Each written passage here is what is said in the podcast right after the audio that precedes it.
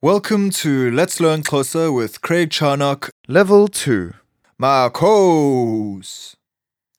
After the basics of greetings and intros as learnt in CD1, it's time to move to the next level.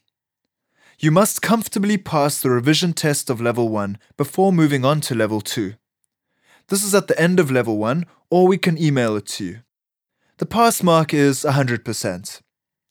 Good news is you can retest and retest till you get it right.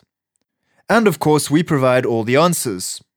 You should also be able to have a comfortable conversation as per the Conversation CD Lesson 6.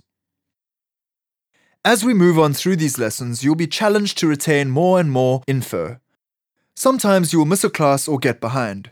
It is crucial that you make sure you learn the lesson summaries at the end of each lesson and then work over the conversations as found in the Conversation CD.